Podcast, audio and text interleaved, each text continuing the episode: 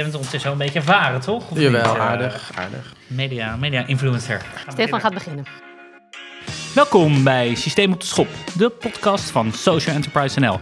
Wij zijn de beweging van ondernemers voor wie impact voorop staat. Mijn naam is Stefan Panhuizen, directeur van Social Enterprise NL, host van deze podcast. En we zitten vandaag op een nieuwe locatie. We zitten bij Midwest in de Amsterdamse baarsjes, waar eh, Social Enterprise ook kantoor houdt. Het is erg leuk om hier op te kunnen nemen. En vandaag de gast Michel Scholte, oprichter van TruePies, het Impact Instituut en de minister van de Nieuwe Economie. Welkom, Michel. Dankjewel. Leuk om hier te zijn. Hey, en uiteraard ook Willemijn, voorlopig gast. Welkom Willemijn. Good to be here. We gaan beginnen met onze, ja, on- onze vaste rubriek van wat is nou een goede actie? Het liefst een beetje een soort kleine, tastbare actie die jij de laatste tijd hebt gedaan. Misschien al meer van de grote acties, Michel, maar toch eh, waar je zegt, nou, daar kunnen we de, de luisteraars meteen even het goede pad op wijzen. Ik heb eh, recent eh, 85.000 handtekeningen opgehaald eh, om Gazprom te stoppen. Dat is natuurlijk om de financiering van de zeg, oorlogskas van Poetin wat minder eh, te spekken met eh, alle gascontracten die we in de zucht naar de laagste prijs en dan natuurlijk ja, wel met hoge maatschappelijke kosten hebben afgesloten. En eh, daar zijn onder meer eh, 120 gemeentes, de helft van het aantal waterschappen en ook eh, de onderneming ehm, ABN. Die heeft 29 eh, gasputten in de Noordzee. Ja, we hebben dat aangekaart en eh, daar eh, heel wat steun voor gekregen, ook overhandigd aan eh, Ja. minister eh Rob Jetten. Ik denk, we hebben eraan bijgedragen dat er ook een verbod is nu voor... Had je het verwacht dat, dat, dat, dat die actie zoveel zou, dat die actie zo zou aanslaan? Ik moet je zeggen, het was voordat de expansie op, eh, in Oost-Europa door eh, Poetin ehm, plaatsvond. Hè. Dus het was Ja. nog niet zo dat... En natuurlijk voelde ik wel aan mijn wateren dat het zou gaan escaleren, maar het is natuurlijk, je weet het niet zeker. Experts zeiden dat is eh, vooral veel blaffen, maar niet bijten. Maar goed, los daarvan, eh, gas is gewoon een fossiele brandstof. En je werkt met veel van die fossiele industrie gewoon echt wel hele heftige ehm, agressie in de hand, oorlogen, verschrikkelijke moordmachines. Of het nou Saudi-Arabië is of het regime van Poetin. Dus daar moesten we sowieso van af. Maar het was wel, eh, de timing was wel bijzonder. Ja, natuurlijk heel tragisch. Maar goed, eh, en dat je zoveel eh, support kreeg. Ik, weet, ik voelde het wel een beetje aan, als ik heel eerlijk ben. Ik had ook al wat mensen gemobiliseerd in de aanloop daar naartoe. En ook Change.org is natuurlijk ook een belangrijke Ja. partner geweest om, die, om Ja. dat aantal te halen. Gaan we het, eh, Ik gaan we vind, het ook geen, ja. ik vind het geen kleine actie, Nee. Maar ik heb ook getekend, vanzelfsprekend. Maar ehm, het valt voor mij in de, onder de noemer wat grotere activistische daden, zeg maar. Heb jij maar nog iets kleins voor ons, Ik, zal, ja, ik zat wel ook in, de, in, in een heel klein beetje dezelfde hoek. In de, de kleine acties dit moment hebben heel veel met Oekraïne, maar voor mij ook met andere vluchtelingen te maken. Want we Ja. lijken soms te vergeten dat we nog een heleboel andere vluchtelingen in Nederland hebben die ook geen plek hebben en ook geen aandacht krijgen. Maar zo had ik deze week te maken met twee Iraanse jongens die overigens ook uit, uit Kiev studeerden en waren gevlucht, maar hier nergens terecht mochten. Die mogen dan niet in je huis, die mogen helemaal niks. En dat is altijd zo'n bizarre situatie. En dan is het wel fijn dat je in Nederland redelijk snel een plek gemobiliseerd krijgt om ze onderdak te geven. Maar het blijft wel eh, voor mij met name schrijnend hoe veel kansen er zijn voor mensen die uit een vreselijke oorlog vluchten dichtbij. Maar hoe weinig er zijn voor mensen die gevlucht zijn van een eh, conflict wat ver weg. Ja, het is een, een cruwe situatie, om het, om het zo maar te zeggen. Nou, ik maak het nog even wat kleiner. Ik, is namelijk, ik ben, het is een beetje een gekke overgang, maar ik was een notoire lange doucher. Maar ik heb... Dit, dit Een nieuwe was- douchekoek. Ja, dit was er voor mij nodig om... Nee, een, een douchetimer. Ik, eh, goed. iedere ochtend Een vijf minuten. douchetimer. Ja, dus ik zet hem in op vijf minuten. Dan gaat hij piepen. Dan eh, doe ik de douche uit. En dan eh, ga ik verder met... eh, nou, wat er in de ochtend allemaal bij komt kijken. Het scheelt me heel veel tijd. Dus ik heb eh, eigenlijk veel relaxtere ochtenden. Dus eh, win-win situatie. Ja, super. Ook, ook dat eh, werk ondermijnt de gas. Eh, ja, het is een gebruik. indirecte bijdrage aan dezelfde activistische Ja, Ja, doelstelling. het is natuurlijk Zeker. veel beter om, om grote acties op te zetten, zoals Michel doet, waar we het nog heel veel over gaan hebben. Maar eh, ja, het kleine mag er soms ook zijn. Hey, voordat we helemaal het verhaal van, van Michel Troeprijs en alles induiken, even twee mededelingen vanuit mij. Ten eerste willen we een organisatie bedanken. Dat is So-Creatie. Dat is een stichting So-Creatie. We hebben de afgelopen jaren heel erg ingezet om sociaal ondernemers een podium te geven via websites, maar de sociale troonreden, et cetera. Nou, oprichters daarvan hebben besloten dat ze iets anders gaan doen. Er, zat nog wat, eh, er stond nog wat eh, geld op de bankrekening. En eh, zij hebben besloten dat over te dragen aan Social Enterprise NL. En wij gaan het inzetten om nieuwe afleveringen van Systeem op de Schop te kunnen maken. Want Kijk. een tijdje, zijn een Nice. tijdje weg geweest, maar we kunnen weer. En meer nieuws van het Social Enterprise NL front. Krijg je geen genoeg van podcasts met sociaal ondernemers. Maar ben je ook benieuwd hoe die grote bedrijven daar nou eigenlijk naar kijken? Luister dan naar Wereldverbeterbaas. Dat is een podcast die we maken waarin eh, CEO's van grote bedrijven in gesprek gaan met sociaal ondernemers over hun verschillende werelden en hun wens om de wereld mooier te maken. Mooi. Oké, Nice. we gaan beginnen. Eh, Michel, we beginnen altijd ja, met iets meer over de gast te weten. En dan ga ik altijd door iemands cv scrollen. En dan vaak heeft hij ergens gewerkt en is hij iets anders gaan doen. Volgens mij, als ik het goed heb, heb jij nooit echt voor een baas gewerkt. Maar ben je altijd zelf iets eh, begonnen. Klopt dat? Ja, ik ben wel natuurlijk als student en als eh, scholier ja, kranten gelopen, eh, schoongemaakt, eh, zo- ja, wat geld verdiend. Ja. Maar vanaf het moment dat ik echt, ja, noem het serieus, op zoek ging naar... ik ben eigenlijk nooit echt op zoek. Ik ben altijd bezig geweest met wat ik wil. Dat is de wereld beter maken. Klinkt een beetje raar misschien, maar ik heb nooit gedacht, ik wil ja, een cv indienen en dan... Ik heb wel een beetje gesnuffeld op carrière dagen zo, om gewoon te weten van wat is dat nou, maar... Eh, ook nooit, altijd eh, zelf iets willen, eh, willen altijd, ja. Ik heb ben eigenlijk altijd zelf dingen gaan doen. Echt vanaf dat ik ehm, voor mij een beetje systematisch kon nadenken, heb ik eigen projecten gedaan. En als je nou een rol zou moeten kiezen die het meest bij je past, is dat dan die van ondernemer? Is het die van eh, activist, opiniemaker? Of is het die van adviseur? Want eigenlijk doe je alle drie volgens mij actief in je verschillende posities. En Ja. wat past nou het meest bij jou?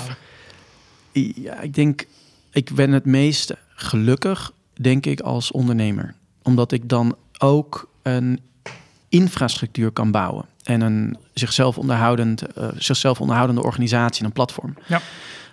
Ik denk op korte termijn word ik het meest blij van ook dat je gewoon eh, je kan uiten. Die expressie, dat spreekt me erg aan. En de creativiteit en ja, noem het eh, het schrijven, het spreken. Dat is iets wat me heel veel, en ook voor een publiek, dat, dat geeft me heel veel energie.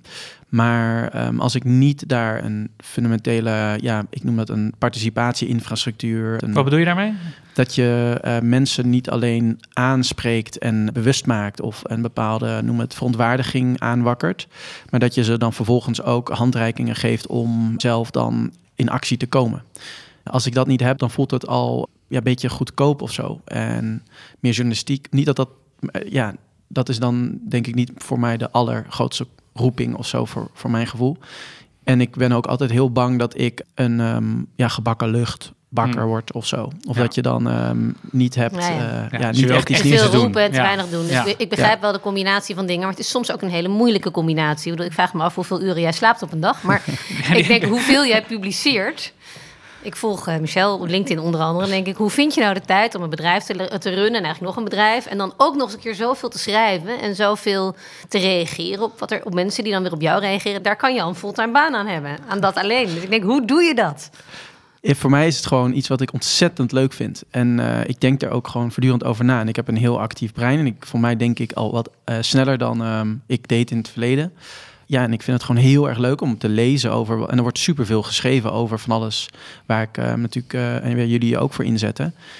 Het is gewoon een eh 100% passie. En ik denk, voordeel is, ik heb geen tv, ik kijk geen series, ik... ehm, Luister je podcast? ja, dat, dat, soort dingen wel. ja. En dan doe ik dat eh, tijdens het eh, sporten Ja, of zo. ja.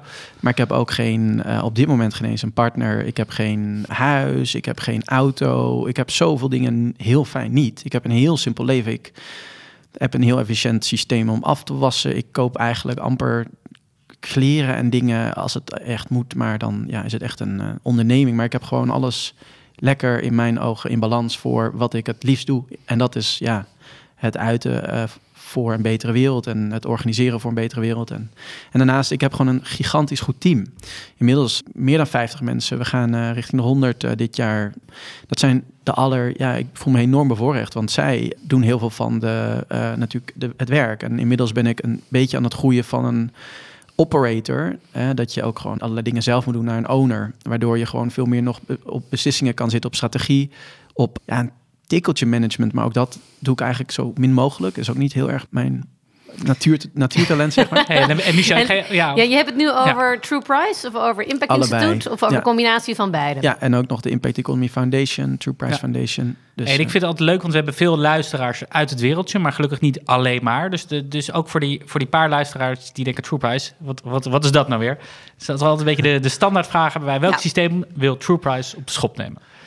De perverse realiteit dat het nog altijd goedkoper is om te vervuilen en uit te buiten als ondernemer dan het eh, in eerste plaats goed doen. Dus als jij wel netjes afrekent voor alle ja, zorgvuldige keuzes om eh, water niet te vervuilen, om lucht niet te eh, vergiftigen, om grond niet kapot te maken, om mensen niet te onderbetalen, te onderverdienen, mensen tot slaaf te maken. Als je daar netjes rekening mee houdt en daar dus ook geld voor opzij moet leggen, ja, dan ben je duurder uit in de markt. En dat is super pervers. En dan is het dus gewoon niet zo dat duurzaam en gezond ondernemen, dat dat beloond wordt. Maar het wordt juist afgestraft. En jullie willen dat veranderen? Ja, dat is wat je moet veranderen. En dat geldt dus ook als consument of als welke rol je ook speelt in de markt. Of je nou professional bent, of nou consument, of uh, regelgever, overheidsprofessional.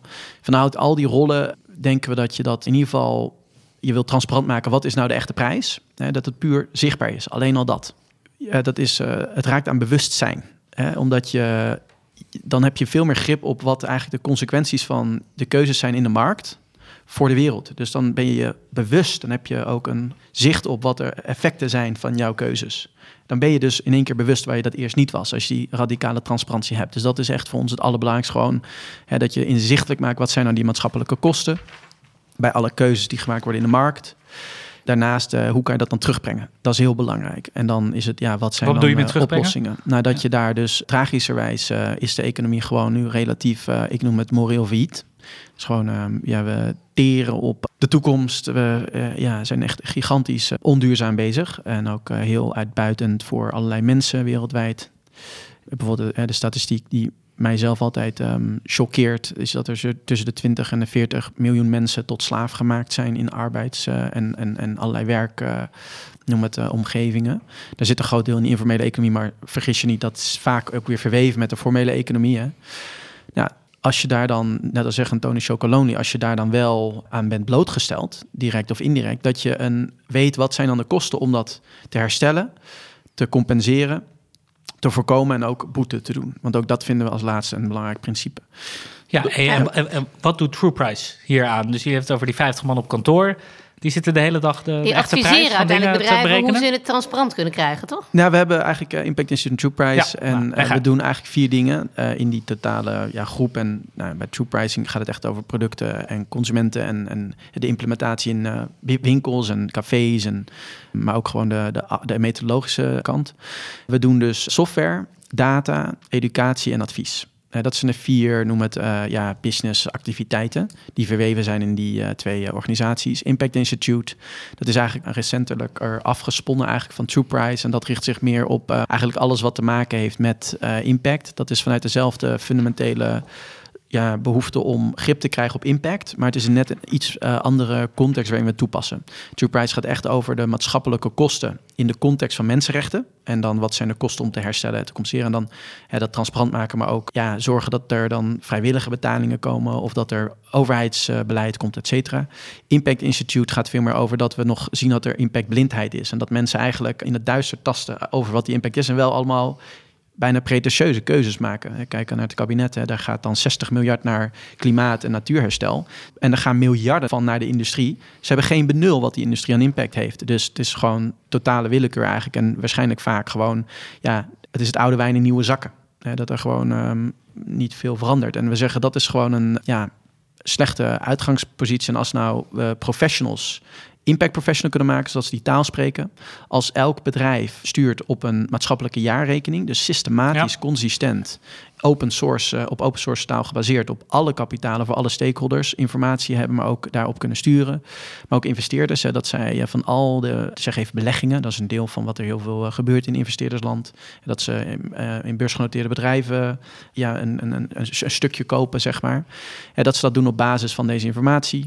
Dat ze ook kunnen zien, hè, dat heet dan stranded assets. Heel veel van de fossiele bedrijven, die zijn ook als je gewoon zou afrekenen voor die maatschappelijke kosten, op sterven na dood. Met name luchtvaartbedrijven, die zijn gewoon een mas failliet. Dat is gewoon geen totaal geen winstgevende business meer. En, maar weet je wat, me nou zo, zo, wat ik nou zo nieuwsgierig naar ben, Michel, is dat jij bent ongelooflijk gedreven om het te veranderen. En ik vind True Price heel gaaf wat jullie doen en Impact Institute trouwens ook. Maar het is wel indirect. Je adviseert anderen hoe ze, hoe ze inzicht kunnen krijgen. Je maakt duidelijk wat dat inzicht is. Je, je leidt mensen op, maar dan moeten zij er uiteindelijk actie aan verbinden. Zij moeten het gaan doen. Dat kan jij niet doen vanuit jouw rol. En jij bent zo iemand die graag zelf doet. Dus ik denk dan, Ga jij dan, gaat er ook nog over een paar jaar, ga je nog een keertje een, een eigen onderneming starten die een hele waardeketen gaat veranderen? Of, want als ik jou zo hoor, dan denk ik eigenlijk is adviseren misschien wel helemaal niet genoeg voor jouw mate van activisme. Of zie ik dat fout? Nou, ik, ik denk dat... Jij dat, denkt dat de dagen van Michel acht, acht dagen in de week hebben, ja. 32 uur. Ja, ja. ja. Hij is heel efficiënt bezig, heb ik net gehoord. Er kan van alles bij. Ja. Nee, ja, dankjewel en um, uh, voor uh, dat je überhaupt die overweging hebt bij het werk wat ik doe. Kijk, voor mijn gevoel is het er relatief voor wat direct en wat indirect is. Ik denk, voor mij is het heel concreet. Het is ook een beetje een, ja, noem het, ja, als je een bakker bent, bak je een brood. Dat komt heel direct over. Hè? Maar een bakker zal zeggen, ja, het enige wat wij doen is het bijeenbrengen van verschillende leveranciers en dan stoppen we het in een oven. Hè? Dus je hebt altijd een, een klein ja, schakeltje in een grotere keten. Er zijn weinig bedrijven volledig verticaal geïntegreerd, zoals dat heet. Ik bedoel, ik ben in het verleden heb ik uh, ook wel ondernemingen gestart in. Wat is het? Uh, ik heb coworking spaces uh, gedaan in het Midden-Oosten. Dat is natuurlijk wel wat concreter. Ik heb nog op een blauwe maandag stroopwafels willen introduceren in een aantal landen en daar ook wat pilots op gedaan. Ik merkte gewoon met name bijvoorbeeld bij die stroopwafels, dat was gewoon die keten was zo onduurzaam. Ik dacht nog meer spullen. Weet je, diensten en dienstverlening en data is op zichzelf voor mij best wel ja, equivalent concreet. Het is net hoe je het devieert wat concreet is. Ja, het is in ieder geval lekker veilig, want je bent niet bezig met nog meer materialen, nog meer spullen. Spullen de wereld in. Uh... En er is echt genoeg, ja. er is er genoeg aan spullen, ook heel eerlijk gezegd. Al, al moet dat ook maar daar wel heel, veel spullen die je heel graag anders geproduceerd zou willen zien. Ja, en daar geloof ik, dan kan ik daar de beste nou, bijdrage nou, leveren. Dat, dat ja. triggert mij wel een beetje. We zitten hier op kantoor, ik zie uh, een pakken wakuli koffie, uh, koekenbakkers, noem maar op. ligt natuurlijk allemaal producten van, van sociaal ondernemers. Iedereen meer reclame maken? Ver van de tafel? Ja, ja, ja uiteraard, uiteraard. zeker, zeker. Maar wat betekent die true price beweging voor hun, vroeg ik me af. Hè? Dus hij, dat is ook een groot deel van de mensen die luistert. Wat, oké, dus ik ben nu inderdaad, ik ben uh, Fairphone, ik luister naar deze podcast. Wat, moet ik hiermee, zeg maar? Fairphone wordt, ik weet niet of ik mag, wordt ook gepiept, wordt gewoon genaaid. Ik weet niet of dat dan wordt weggepiept nu, maar dat is Nee, dat, hoor. het is gewoon super oneerlijk dat ehm, de concurrentie van Fairphone niet hoeft af te rekenen voor die maatschappelijke kosten. Ja. En dat het voor hen eigenlijk onmogelijk is bijna om in de eerste plaats die keten in te richten. Door, omdat hè, er zo pervers ja, niet worden afgerekend voor de maatschappelijke kosten. Kijk, het is voor hen op dit moment echt heel lastig ook om die keten te bouwen. Hij zegt dat zij uit een fabriek in China, zeg maar, een, een, beetje de plastics voor het, uh, voor het hoesje zouden willen afnemen, zeg maar. Dan hebben zij uh, een heel vreemde verzoek aan op dit moment aan die uh, leverancier van hey, kan dat wel een beetje misschien, ik weet niet, Ja. uh, niet dat ja, ze die is tegenwoordig plastics of- gerecycled, het hoesje van de Ja. nieuwste ja, dat, editie. dat is dan nu. Ja, eh, maar goed, maar dat is natuurlijk een, een heel moeilijk verzoek. Dat was er ja. nog helemaal niet. Nee. Eh, en waarom was dat er niet? Omdat eigenlijk ja, de afvalplastics die uit de olie worden geproduceerd, die zijn veel goedkoper. En daarom is het relatief moeilijk voor hen in die keten in te richten. Is het moeilijk om leveringszekerheid te bieden. Hebben ze gewoon nog een heel grote stap te doen en dus ook kosten te maken om daar een nieuw product uit te maken. Dat is een voorbeeld. Ja. Natuurlijk is dat ook hun missie ja, om, om, om daar de infrastructuur en het bewustzijn voor te bouwen. Maar ik denk als alles in ieder geval transparant een echte prijs zou hebben, dan zou je zien dat een dat weet ik niet hè, of dat ook dan voor Fairphone zo zou uh, gelden, maar voor het, over het algemeen Ja. geldt dan voor de impact entrepreneurs, de impact ondernemingen, dat, of de social entrepreneurs, de social enterprises. Alles mag, ja. Dat zij dan een superieur, een, toch een iets superieur uh, er, uh, product hebben. En ik zeg Ja. niet dat ze dan altijd beter zullen zijn, maar ik zeg wel dat ze dan een veel sterkere propositie zullen hebben. Wat jullie dan daarvoor kunnen betekenen is laten zien hoe slecht de, de ketens van degenen zijn die daar nog niks aan doen. Ja, dus zeg maar onder het, meer. Het, het uitlichten van wat er nog fout gaat in Ja. de industrie om daarmee eh, indirect eigenlijk deze ondernemers een eh, kontje te geven. Ja, dat is één. Eh, en ook dat natuurlijk heel breed bekendmaken en dat te problematiseren. Ja. Eh, twee is dat als je dan echt iets wil beter doen, dan kunnen we ook de data bieden om dat te laten zien. En dan bieden we ook, en we maken ook dingen open source. Dat is een beetje onze social enterprise model. Dat wij eigenlijk ja, heel veel intellectueel eigendom, zo kan je dat noemen, Ja. hebben opgebouwd in het afgelopen decennium. Met de meest, ja, ik vind dat echt de meest briljante econometristen, wiskundigen. Die hebben gewoon, en natuurkundigen hebben modellen in algoritmes uitgewerkt waarmee je efficiënt op schaal in kan schatten wat dan die eh, maatschappelijke kosten zijn. Wat is het leefbaar inkomensgat bijvoorbeeld in een gemiddelde, noem het, stukje plastic uit, uit die Chinese fabriek. Met een uh, herkomst uit waarschijnlijk een soort van gemiddelde Ja, of kijk, van de- eh, de- olie de, uit... de eh, materialen die in de mijnen worden gesourced. is Bijvoorbeeld, ja. een groter, groter probleem. Dat Ja. soort zaken, eh, maar ook gewoon de, de fabrieksarbeiders. Wij hebben inmiddels daar dan algoritmes en ook gewoon de methodes voor. En dat is natuurlijk heel veel kennis dat hebben opgebouwd. En dat maken we open source via de True Price En wordt, Foundation. dat, eh, wordt dat gekopieerd? Want je zegt, nou, eh, volgens mij als je iets open source maakt, is het doel dat anderen er ook mee aan de slag gaan. Gebeurt dat? Eh, enigszins, jawel, jawel, jawel. Je hebt nu, we zijn, ja, eh er is altijd een beetje een soort van ongemakkelijke dans. Want er zijn allemaal partijen die claimen het ook te doen. Of eh, die, ja, er wordt in ieder geval heel wat gedownload. En Ja. het wordt een beetje een, ik bedoel, het komt heel veel terug in allerlei beleidsdocumenten. En eh, het zou ons heel, we zouden het heel cool vinden. Bijvoorbeeld in de VS is de Rockefeller Foundation met McKinsey. eh, McKinsey USA, die hebben een assessment gemaakt op basis van onze eh, methode en ook een aantal. ehm, ja, wij maken van die monetization coëfficiënten eh, publiek beschikbaar. Dus dat je een gemiddelde inschatting hebt. Je moet, me, je moet mij hier even helpen. Dat zijn, eh, ja, dat zijn zeg maar, wat is voor gemiddeld landgebruik in een bepaalde regio? Wat zou daar dan de herstelkosten zijn als je ja, bepaalde giftige stoffen gebruikt? Dat, dat, dat kunnen wij inschatten op basis van, nou ja, we hebben daar dan lokale inschattingen van wat is het type land. Nou, als je daar bij wijze van spreken water aan onttrekt dat schaars is, dan moet je het eh, terugbrengen. Dan moet je het ont... En je, je, je, bij wijze van spreken maakt dat eh, wat, wat giftig. Hoe, hoe maak je dat gifvrij? Ja. En daar heb je gewoon eh, innovaties voor. Daar zit een prijskaartje aan. We hebben dat gepubliceerd. En dat willen we steeds fijnmaziger publiceren. Maar zij hebben dat gebruikt. Ze hebben daar een rapport voor geschreven. Ze hebben berekend wat de totale eh, milieu- en eh, sociale kosten zijn van voedsel geproduceerd in de VS. En dat is ook bijvoorbeeld naar de huidige adminis- administration of, eh, van Biden eh, gestuurd. Nou, dat is een voorbeeld van best wel vanwege open source zijn, best wel impact. ja, nee, zeker. En bellen ze je dan op? Of vind je jezelf terug in de voetnoot? Van, hey, Nee, nee, ze bellen, dat ons op. ze bellen op. er komt een heel team. eh, wij helpen ze dan. Ja. We leveren data aan. En daar krijgen we ook. Daar hebben we voor mij niet eens een cent voor gekregen. Maar het is natuurlijk gewoon zo'n impact. Dat is zo vet. En we doen heel veel. We zijn, we zijn al twee keer Nature Food gepubliceerd. We hebben in de voedseltop van de Verenigde Naties hebben we publicaties. We hebben eh, eh, misschien wel meer dan welke. Het is het Academisch Instituut aan publicaties op het gebied van true pricing. Ja, en dat wordt natuurlijk door heel veel beleidsmakers eh, wel eh, meegenomen. Ja. is niet, Cool. ja, het is niet bepaald cool. commercieel, Ja. maar het is nee, wel maar eh, goed, impact. een- wat je net nu noemde, het educatie, maar dat is eigenlijk een soort eh, kennisbank die Totaal, je ja. opbouwt. Ja, ja. het is ons echt te doen. Ja, dat is natuurlijk, en dat zien we, natuurlijk al lastig voor social enterprises, maar als onze missie wordt gerealiseerd, ik zou direct iets anders gaan doen. Want ik denk, ja, dan is het. Dus wij zijn niet echt totaal niet ehm, het commerciële plaatje aan het Ja. maximaliseren. We zijn gewoon bezig met het verspreiden van het verhaal en het idee. Hey, en volgens mij gaat dat best wel goed. En ik, jullie zijn eh, tien jaar geleden begonnen, eh, volgens mij ongeveer. Ik zeg ook tien jaar geleden. hè, Social Enterprise nou ook tien jaar Ja. geleden begonnen.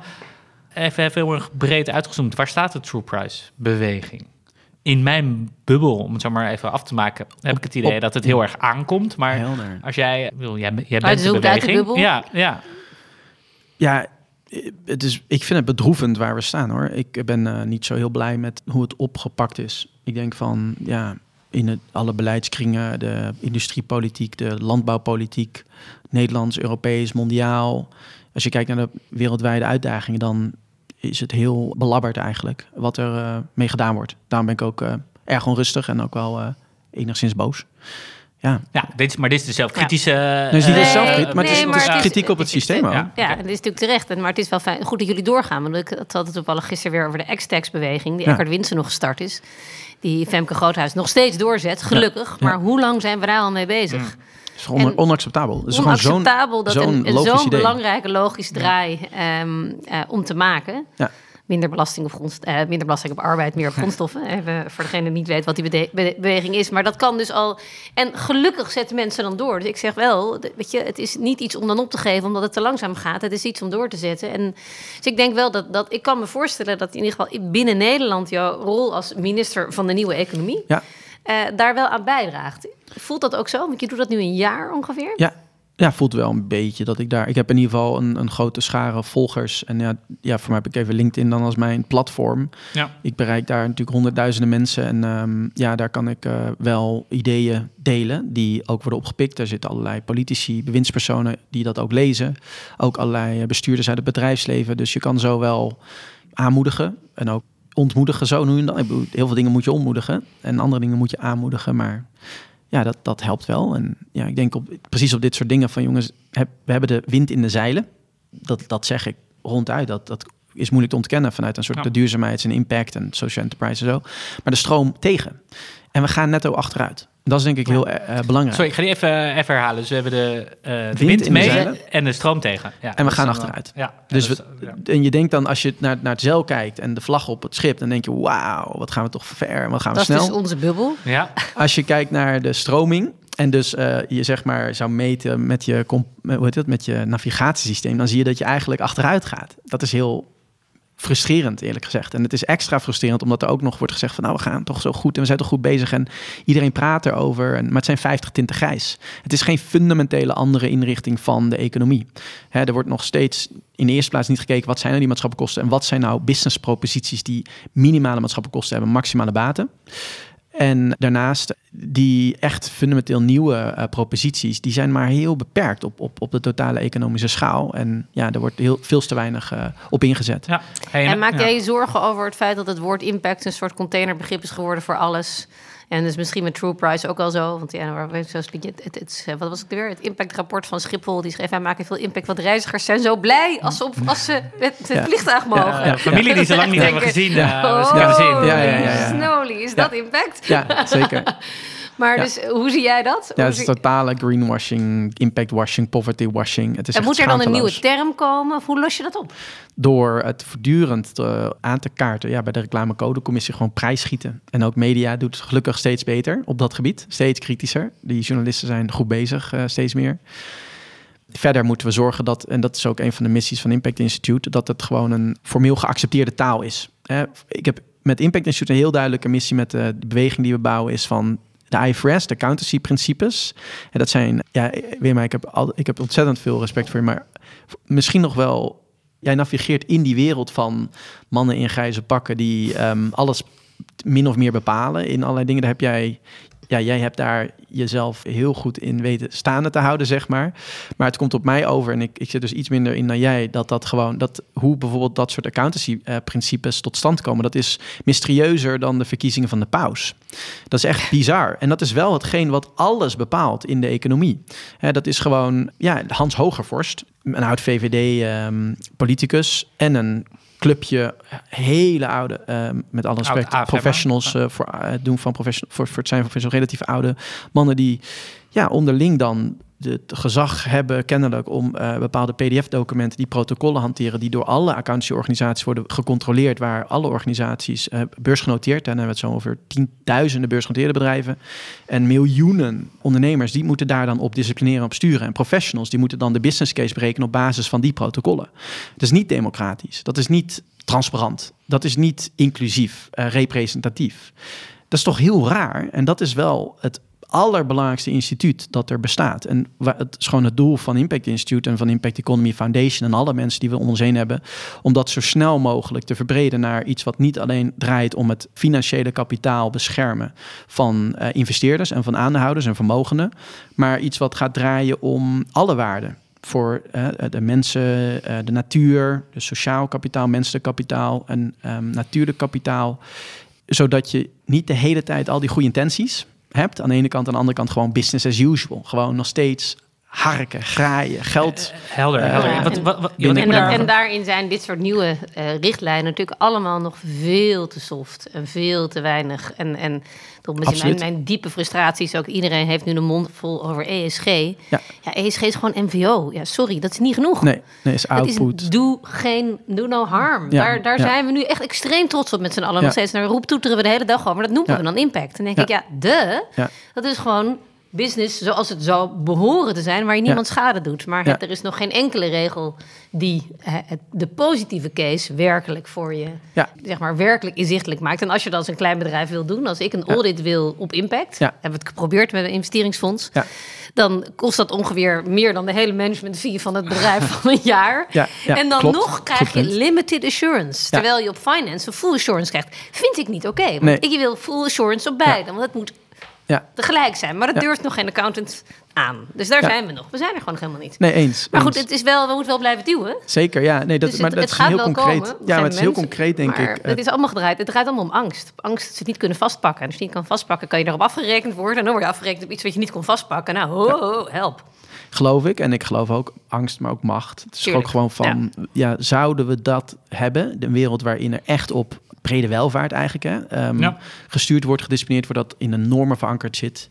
In alle publiekrechtelijke conventies die nu ook inhaken op die accountantiestandaarden. De fiscale conventies, Extex project een voorbeeld. Als dat allemaal brede welvaart zou waarborgen en beschermen voor iedereen, dus niet alleen voor investeerders en voor aandeelhouders, dan zou dat een enorme verschuiving van macht ook eh, betekenen. Helder. Bij mij triggert dit heel erg de vraag, ook in, in het nadenken over deze opname, van uiteindelijk ligt daar een rol, denk, vind, vind ik, laat ik het zo zeggen, in ons democratisch systeem voor de politiek. Dus we stemmen iedere paar jaar en dan daar moet toch een, op zijn minst, hè, dat is niet het enige waar we naar moeten kijken. Ik ben heel erg van ondernemers die het zelf doen, laten zien dat het anders kan, et cetera, et cetera. Maar als we een ander radicaal, eh, eh, ja, radicaal ander economisch systeem willen, dan moet daar ook ja, dan moeten we niet alleen wij aan de tafel dat een goed idee vinden, maar dan, dan, dan moeten we dat ook in, eh, nou, in de Tweede Kamer een goed idee vinden. Hoe, Ja. hoe kijk jij daar? Zijn jullie daarmee bezig? Eh, ben je het, eh, Ga je de politiek in? ja, nou dat, of ben je, aan, of, ben je aan het lobbyen? Of eh, weet je wel, hoe, eh, ja, hoe kijk je naar de rol van de politiek? Ik ben uiteraard bezig met allerlei politieke instituties, waaronder de Tweede Kamer, waaronder de regering, waaronder de Europese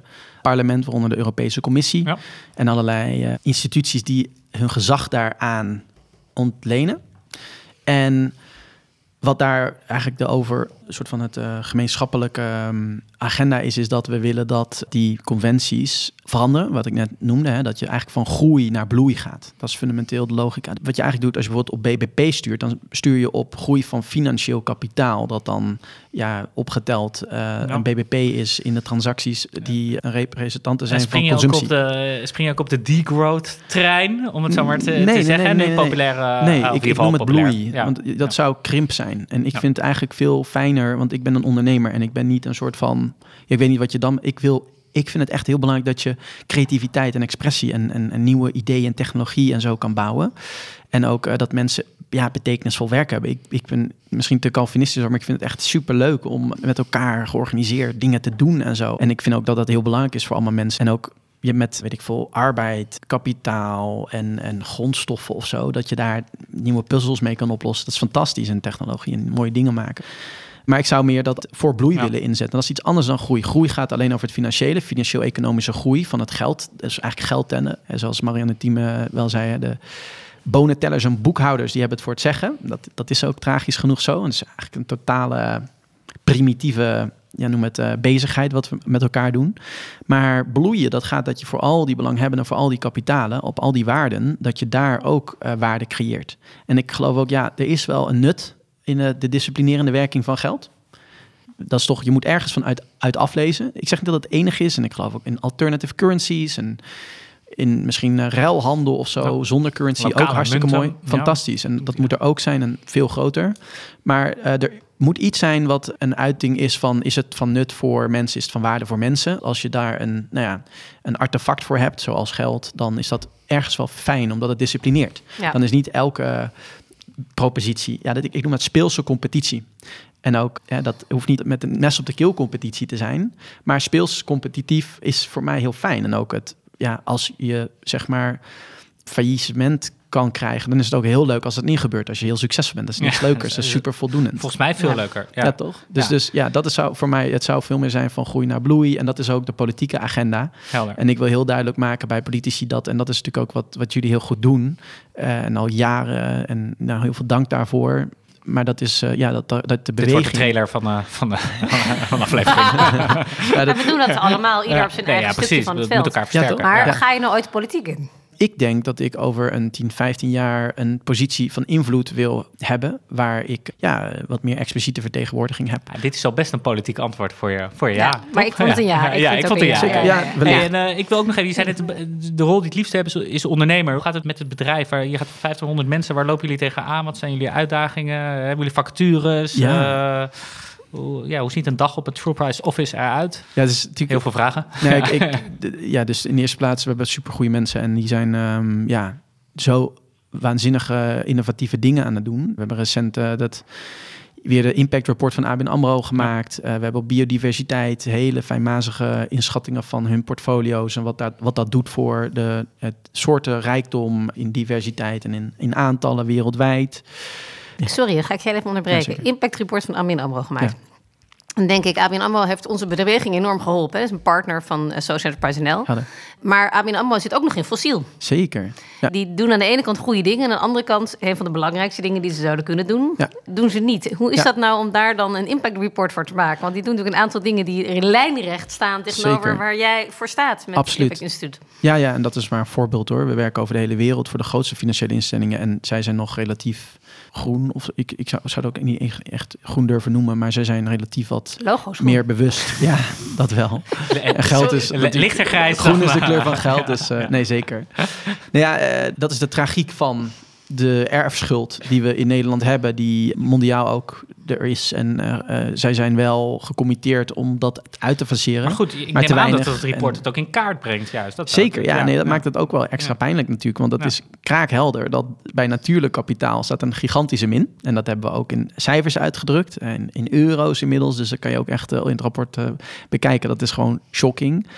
En ja, natuurlijk in het financiële, daar creëren ze waarde. Want ik neem alleen al de hypotheek, um, mensen die een hypotheek hebben en de huisbezitters. Ja, dat is inmiddels een klasse, een, een, een bovenklasse, denk ik bijna. Want die hebben gigantisch geprofiteerd van de recente... Ja. ja, dat is natuurlijk een heel veel, heel veel factoren, maar één van Ik denk dat we de woningmarkt voor vandaag even gaan laten ja, voor wat exact, exact. Goed, daar, daar hebben ze natuurlijk een rol ook ja, gespeeld als ja, Maar de kracht zit er dus in dat je het in beeld brengt. Dat je ook die gigantische min in beeld brengt. En, en dat zij het lef hebben om dat te laten zien. Ja, en maar ook dat ze actie op, op ondernemen. Hè. Dus uh, ze zijn natuurlijk in de afgelopen jaren wel heel erg bezig geweest dus te weinig uh, altijd. Hè? En dat, dat vinden ook heel veel mensen waarmee wij werken. Maar wel relatief bezig geweest. Die, die wind in de zeilen, dat geldt daar de stroom tegen geldt daar ook, denk ik. Uh, dat, want zij zijn weer onderdeel van een groter systeem dat alleen nog maar meer in de knel zit. Maar goed, hè, ze hebben een half miljard uh, fondsen, dat weet je, uh, ja. recent gestart op Impact. Dat is ook weer mede dankzij jullie, noem het fantastische werk. Um, wat je, je hebt daar veld voor, toch voor, Steken we in de zak. Steken we in de zak. Nee, maar dat is een voorbeeld. Ja. En natuurlijk het, de, ja. allerlei green bonds en um, het vergroenen van huizen. Dus ze doen echt hun best. En het is echt een hele andere bank ook dan tien jaar geleden Zij hebben echt niet alleen op de impact en, en het fossiele activiteit en erfschuld, maar toch ook wel op de reputatie. En nu nog steeds er, komt, er komen recent nog wel eens een lijken uit de kast hè, met uh, witwassen en zo. Dat is gewoon uh, heel, heel Nog even over jullie als bedrijf. Wat voor mensen werken er bij jullie? Uh, waarom komen die bij jullie werken? Dan, ja. Nou, we hebben kwants ook voor een deel. dat zijn gewoon de econometristen, mensen die goed zijn met rekenen en met cijfers. Data, noem het scientists, wetenschappers maar ook softwareontwikkelaars. We hebben adviseurs, dus dat is op zichzelf ook wel een, eh, een, een discipline bij ons. En daarnaast nog uh, ja, weer meer overhead. Mensen gewoon die uh, operations doen, die finance doen. En ja, gewoon een, een typisch bedrijf.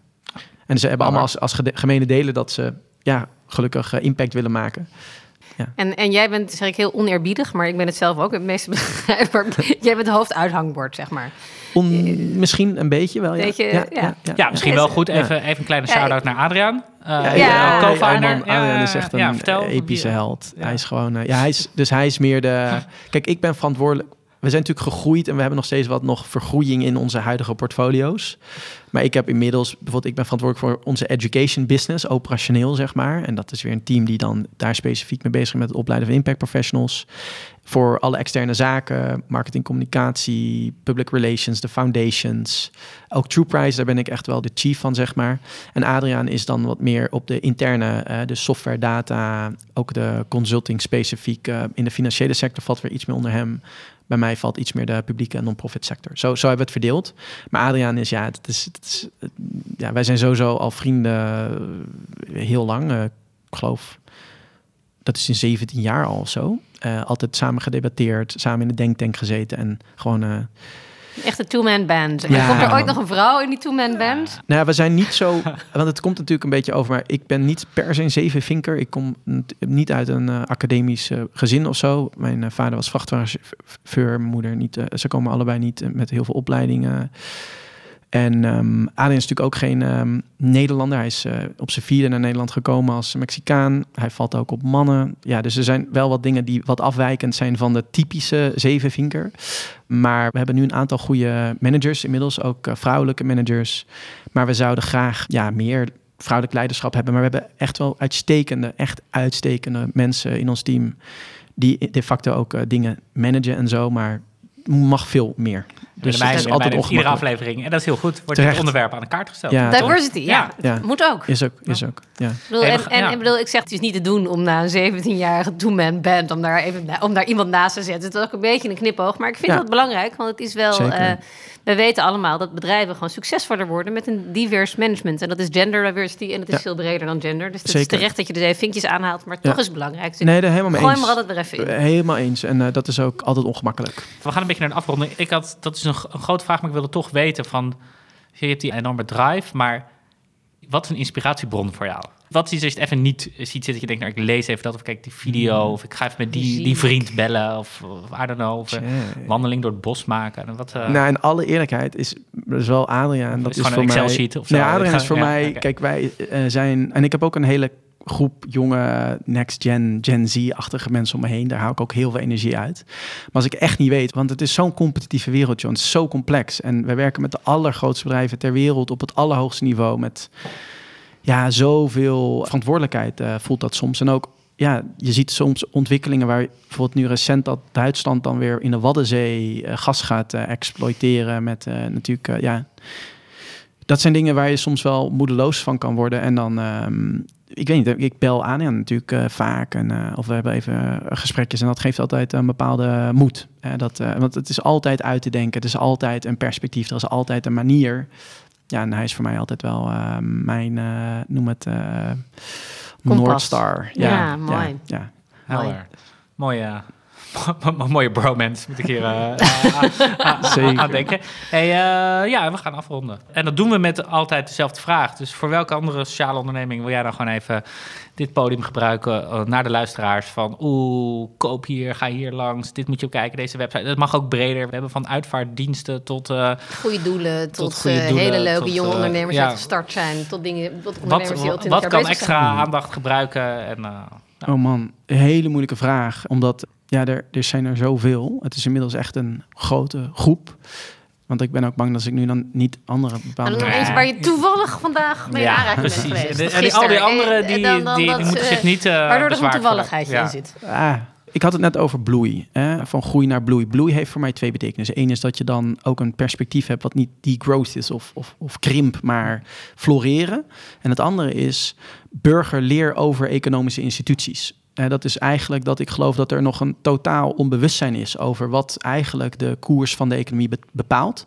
En dat we echt collectief ons moeten inzetten om daar bewustzijn over te hebben. Daar hadden we het net over die commissie van ja, hoge pauze van der financiën. Dat wordt opengebroken en dat het een collectieve taal maar wordt. als ik dat nog niet weet, waar moet ik dat, wat moet ik lezen? Waar moet ik naartoe? Waar, mm. waar... is de call to action. Ja, het, wij proberen met de Impact Economy Foundation, proberen we daar ja, mensen op aanspreken. Op, met 2100 proberen een beweging van jonge mensen te uh, bouwen om dat uh, te realiseren. We doen najaarscholen met aspirant-bestuurders. En ja, echt wel uh, heel erg goed aanstormend talent en bestaande bestuurders om dat bewustzijn te creëren. Maar ik wilde dat ik kon zeggen, dat is de place waar je dat kan vinden. Maar dat is er gewoon niet. En dat is ook het, het nare, dat het dus kennelijk nog heel erg gesloten wereld is. Ja, die muur die moeten we echt gaan afbreken. Helder. De muur gaan we afbreken. Ja, en volg uh, Michel op LinkedIn. Daar, Precies, daar kan je, je altijd wat over leren. dus dat uh, kan ik zeker aanbevelen. Dankjewel. Ja, het zet altijd aan tot denken ja. of zo. Hè? Soms denk ik wel, ja, dat is te makkelijk. Maar daar denk ik langer over na. En denk ik, nee, is eigenlijk is dat toch ook gewoon krom. en uh, ja, dat is volgens mij precies wat je wil bereiken. Dus dank Michel. Dank Willemijn. Dank Lieven. Dit was hem weer, Systeem op de Schop. De eerste keer vanuit Midwest. Dankjewel. Op naar de volgende. Tot ziens.